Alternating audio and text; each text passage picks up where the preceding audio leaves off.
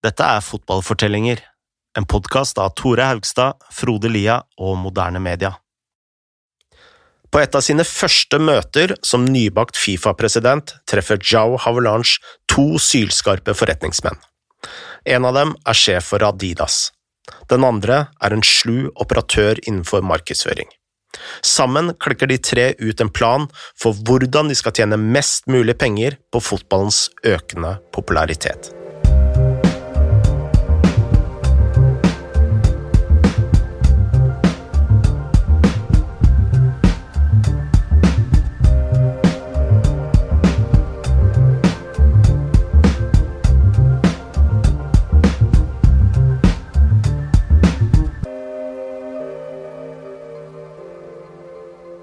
Selv om eh, Jao Havelange hadde store ambisjoner for eh, Fifa både sportslig og eh, økonomisk sett, var han varsom med å endre for mye på en gang. Han holdt løftene sine til de mindre nasjonene, bl.a. ved å holde sitt første møte i Dakar i Senegal. Han kastet også ut Sør-Afrika ut av Fifa, og han tok stadig nye land inn i varmen. Selv knøttsmå øynasjoner. Men som sagt kunne ikke Havelange snu opp ned på hele organisasjonen uh, umiddelbart. Ifølge Jamil Chadeh var han forsiktig med å kritisere sin forgjenger Stanley Roose i starten. Mange av de som jobba i Fifa, hadde jo tross alt vært der under Roose. Uh, så la oss høre litt mer fra Jamil om hvordan Havelange opererte i kjølvannet av valgseieren.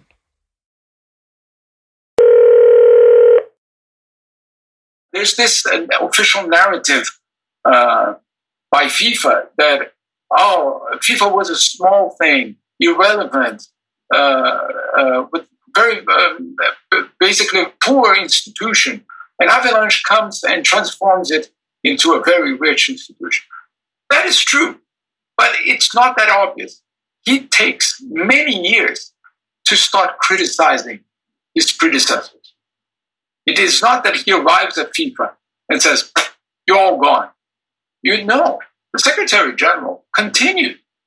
The Secretary General of Laws uh, is maintained, and he continues for another three years, if I'm not wrong, three or four years. So you see that it, it was not simply, oh, I'm going to dismantle this institution and create a new one.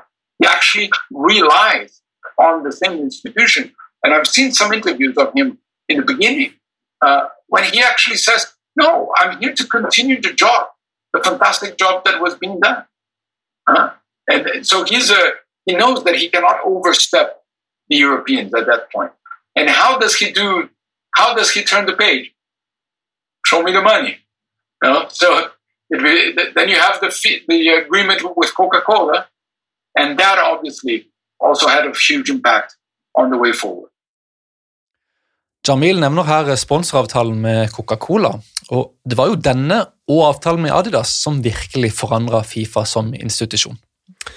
Ja, men la oss eh, først fortelle historien om hvordan disse avtalene ble inngått. På en av Havelanges første møter som eh, Fifa-president eh, møtte han altså Horst Dassler. Og dette var sønnen til Adi Dassler, altså han som grunnla Adidas. Og disse to hadde en uh, sein middag med en kar som heter Patrick Nally, en uh, brite med gode kontakter innenfor uh, markedsføring og global merkevarebygging. Disse tre visste at VM stadig ble mer populært, at TV-seerne økte, og at antallet villige sponsorer var i ferd med å fly i taket. Så spørsmålet var jo dette. Hvordan kunne de utnytte dette på best mulig måte? Forfatteren og historikeren David Goldblatt skriver om dette i boken The Ball Is Round.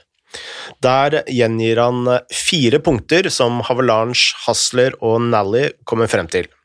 Og vi kan jo gå gjennom disse fire punktene. Ja, ehm, For det første så skulle Fifa kun gå for de aller aller største globale sponsorene. Altså ja, de som liksom hadde merkevarer eh, som skulle selges verden rundt, og som virkelig hadde store budsjetter. For det andre så skulle de kun ha én sponsor per produkttype, altså kun ett brusmerke, ett ølmerke, ett flyselskap osv. For det tredje så skulle Fifa ha full kontroll over salg av TV-rettigheter, sponsorer, stadioner, billetter og lignende. Og for det fjerde så skulle Fifa ikke selge disse rettighetene direkte. De skulle sende de videre til en tredjepart, som deretter solgte de videre. Uh, og Dette er noe vi skal komme tilbake til litt mer i episode fire. Men ja, enn så lenge la oss ta de, de to store sponsoravtalene. På dette tidspunktet hadde Adidas produsert kampballen til VM siden 1970.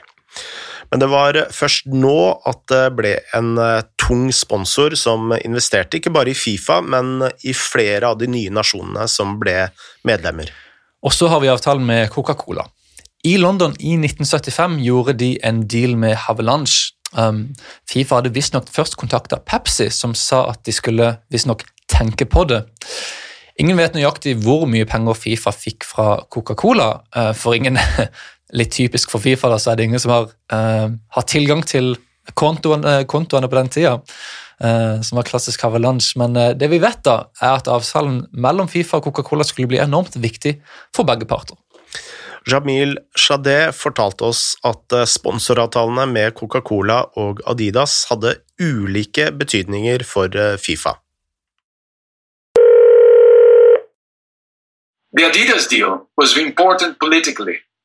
Uh, first, the recognition that FIFA was a partner that of, of a multinational company. So it really opened doors for other multinationals to feel free and confident about uh, football itself. But it also had this political element uh, in developing countries.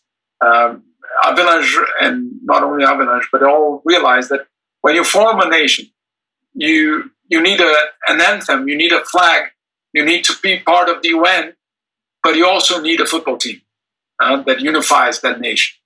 And very fast, uh, de- deals were done between Adidas, FIFA, and that new nation.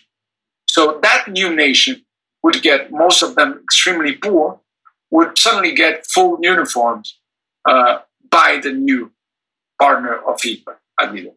So you had you, you were giving, uh, Havelange was giving to these countries at the same time an identity and resources to have a team. This, this relationship that was established uh, created a link that explains Havelange's uh, survival during 24 years. Because these people always felt that they owed him the creation of their football uh, leagues, basically. so you have that element that is very important in terms of Adidas. In terms of, of Coca Cola, that's another story that is really a, a capitalist, let's say, story of how to develop a brand around the world. Uh, the first meetings between FIFA and Coca Cola, Coca Cola would uh, was hesitant because they said you you are you, you want us to promote events or games or youth tournaments, etc., in countries that we are not even present. And FIFA said, well, precisely. Uh, uh, that's the way you're going to get in. And there were a couple, uh, the, the, I, I, I forgot now which countries, but there were several countries that tournaments, football tournaments by FIFA, sponsored by Coca Cola, arrived before the drink itself. So it was an incredible uh, transformation uh, of the relationship between FIFA and the sponsors.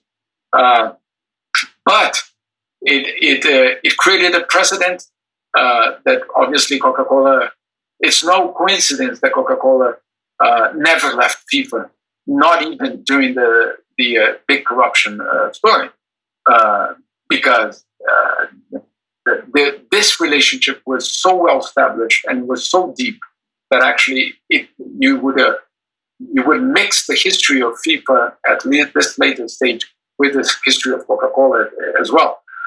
There was a big debate inside FIFA when Blatter, if I'm not wrong, uh, and others come and propose the deal with Coca-Cola.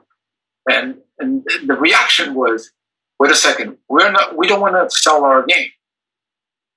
Uh, and the other reaction was, look, for years you're telling uh, everyone that we need money. Now we have money. And now you say you don't want? Uh, you have to make up your mind.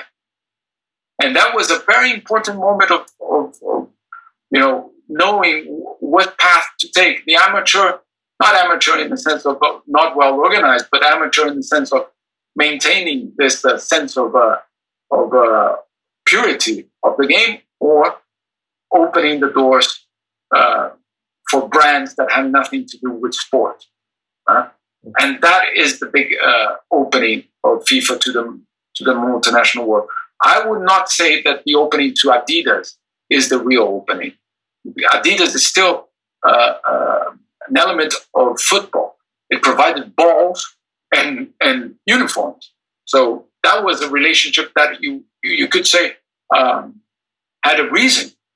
Now you establish a relationship to a drink uh, made of sugar.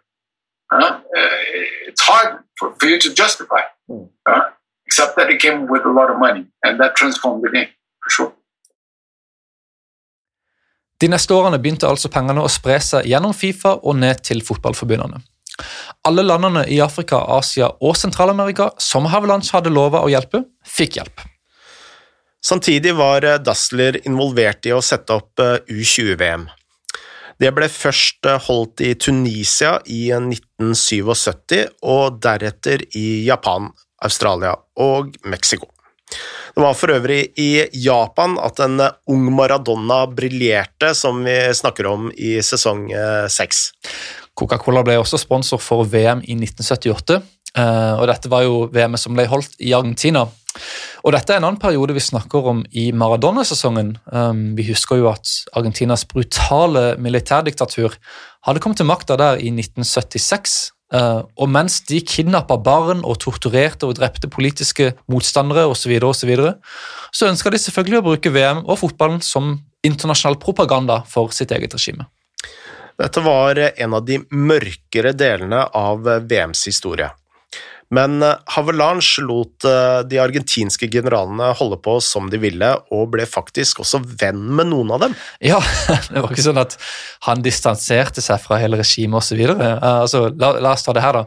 Sjefen for organiseringa av VM i Argentina var viseadmiral Carlos Lacoste. Mens Argentina slo Peru 6-0 i en av kampene, som er en av de ja, mest mistenksomme resultatene i den turneringa, kan vi si. Så eksploderte det ei bombe hjemme hos finanssekretæren Juan Alemann. Og Alemann han hadde vært kritisk til eh, organiseringa av VM og hadde anklaga liksom regjeringa for å sløse flere millioner kroner på, på dette VM-et. Alemann trodde jo at Lacoste sto bak denne bomba. Eh, sannheten er vanskelig å finne, selvfølgelig, men det vi vet er at to år senere så gjorde Havelands Lacoste til Fifas visepresident. La oss høre mer fra Jamil om rollen Havelange spilte i eh, VM i 78. His biggest role was to make sure that um, uh, crimes would not interfere in his uh, plan uh, or in the plans of football. Uh, by ignoring the fact that, ignoring deliberately the fact that he was taking the World Cup to a bloody dictatorship. He was basically saying, I couldn't care less. Uh, it's not my problem.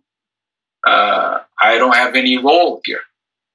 Um, it is it is something that, um, and it's his first World Cup. It's his first World Cup, and that's why it's so important. I don't know if you know the story that you know it was a tradition um, until 1978 that uh, the president of the country would receive the two finalists of the World Cup. Uh, and that was a tradition since the beginning um, for dinner or for a cocktail or whatever. And in 78, uh, Holland did not accept, didn't show up at the dinner. Uh, and obviously for Videla, for, for the dictator in Argentina, that was a major blow. Uh, and after that, what did Havelange do? He didn't. He didn't say, uh, "Bravo, Holland! Uh, you kept your uh, humanitarian, uh, human values above everything." No, he ended this practice of uh, uh, presidents receiving teams. Why? Not to protect the teams, to protect the dictators. Uh, because eventually uh, he knew that that could happen again. And he didn't want to make a situation, uh, a, a, bad situation for, for these politicians. So uh, he takes the youth tournament to Saudi Arabia. He takes the youth tournament to Sani Abacha in Nigeria, you know, to people that basically. Um, so, by the way, it's not only uh, Argentina 78, it's his whole uh, idea that um, we are not here to tell, uh, to talk about human rights. And we, if they want to use us, go ahead. If you're if you're from Brazil, you know where this is coming from, because he already had that. He had done that with the, the, the, the with the dictatorship in Brazil. You know, he offered the the Jules Rimet in 1970 to the generals. So, what surprises there? None. None. He is a man of power. Whoever is in power. You know, I will play with whoever is there. So, Pinochet, uh, the generals in Argentina, uh, the, the, African dictators, uh, you name it, they all had him as a partner. Uh, that's the, that's the part of the story that will always be with him, uh, no matter how. If one day we find out that all this corruption was all irrelevant, that okay, but that is very real. Fire år etter VM i Argentina var det duka for VM i Spania. Denne gangen var det ikke noe diktatur som ville bestemme over mesterskapet. Eh, Franco hadde vært død i en del år, og, og Eh, regjeringa var demokratisk, og dermed kunne Haveland styre showet som han ville. Havelange utvidet eh, for første gang antall lag fra 16 til 24, som han hadde lovet. Dette ga altså flere plasser til Afrika, Oceania, Konkakaf og Sør-Amerika. Havelands passa også på å holde sponsorene fornøyde. Like før VM hadde Real Madrid gjort en deal med Pepsi, som førte til at hele Santiago Bernabeu var dekka av Pepsi-logoer. Før VM sørga Havelands for at hver eneste av disse logoene var fjerna. David Goldblatt skriver også om en hendelse som viser hvordan Havelange opererte. Før Brasils kamp mot Russland hadde Havlanche bestilt 400 billetter til seg selv og sitt entourage. Da han fant ut at eh, billettene var bak målet og ikke på langsiden, dro han til eh, kontoret til Raimundo Saporta, som var eh, da sjef for organiseringen av VM. Havalanche visste at Saporta hadde hjerteproblemer, så da Saporta sa at han ikke hadde flere VIP-billetter, skal Havelange da ha stengt vinduene, trukket for persiennene og låst døren. Så sa Havelange jeg kan bli her i 72 timer uten å spise, drikke, sove eller gå på do. Du for din del kan fort dø, for jeg lar deg ikke dra herfra før jeg har fått billettene mine. Da Havelange forlot kontoret, hadde han selvsagt billettene sine. Selv om Brasil ikke gikk til topps i Spania, ble VM en enorm suksess for eh, Havelange. Um, på mange måter ble det jo begynnelsen på den utrolige veksten til Fifa. Uh, Jamil fortalte oss om de ulike faktorene som nå var på plass for å sikre Fifas suksess. One of the ideas was basically to enlarge the World Cup, but enlarge beyond South America and Europe. Because that the World Cup was basically a dispute between Europe and South America. That's what it was, uh, the World Cup. And Havelange knew that he, if he wanted to, to transform football into a, uh, the most popular sport on earth, he would have to give hope to countries that had never took part in the World Cup that they would take part on the World Cup. So it was not to create a sense that Africa could win, or that Asia could win, or that the Middle East could win, but that they would take part on that part. And you could only do that by enlarging the World Cup. So the enlargement of the World Cup had a major, major impact on the, the path that football took around the world. That, that's the first element. The first, second element is the monopoly over football by FIFA. Monopoly in what way? We're the only ones who uh, have the authority to organize a World Cup. We're the only ones that can establish the rules, obviously, with IFA. Uh, we're the only ones that can recognize the champion. Uh, that centrality, that monopoly of the game was not um, natural until uh, and you have many occasions in the 40s in the 50s even in the 60s where you had the communist bloc uh, i wouldn't say questioning but thinking about the organization of a separate institution or a separate uh, championship uh, and what fifa the big thing of fifa was basically the fact that she established herself as the, the, the, the, the owner of this monopoly. Uh, this, in a way, helped to harmonize also the game, to make sure that you had a system that the champion of one region was recognized all the way up. Um, you have, for example, other sports where you have different leagues, box, boxing, or others that you don't know exactly who's the world champion. You you do have the world champion, but you have uh, a, separate league that would say no, but we have this. So you have a situation where you have one one power that controls the entire. And you have also that agreement with Coca-Cola and the international companies that during the 90s uh, have a, I, I guess even before, uh, uh, jump. And what is the jump? The TV uh, deals. So you have multinational companies looking for a, a global platform, and you have football as the global platform.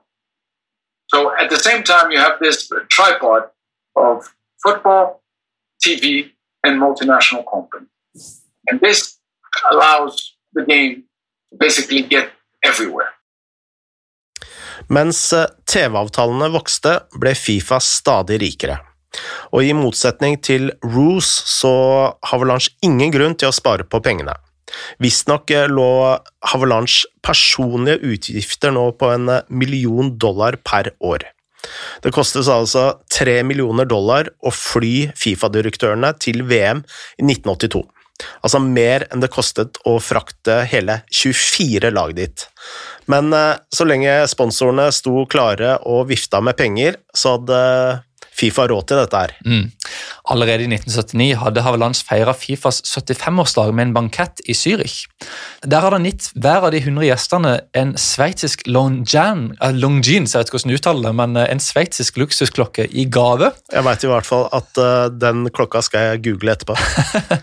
Regninga ble sendt til Helmut Keser, Fifas tyske generalsekretær, som hadde vært der siden Ros. og uh, Keser var jo av den gamle Fifa-skolen. sant? En sparsommelig fyr og var jo slett ikke fornøyd med disse utleggene til Havelange.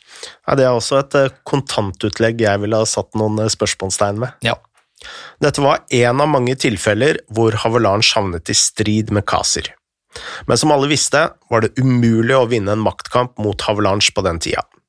I 1981 lokket han Kaser ut av Fifa med en generøs pensjon. Den nye generalsekretæren var en sveitsisk advokat ved navn Sepp Blatter.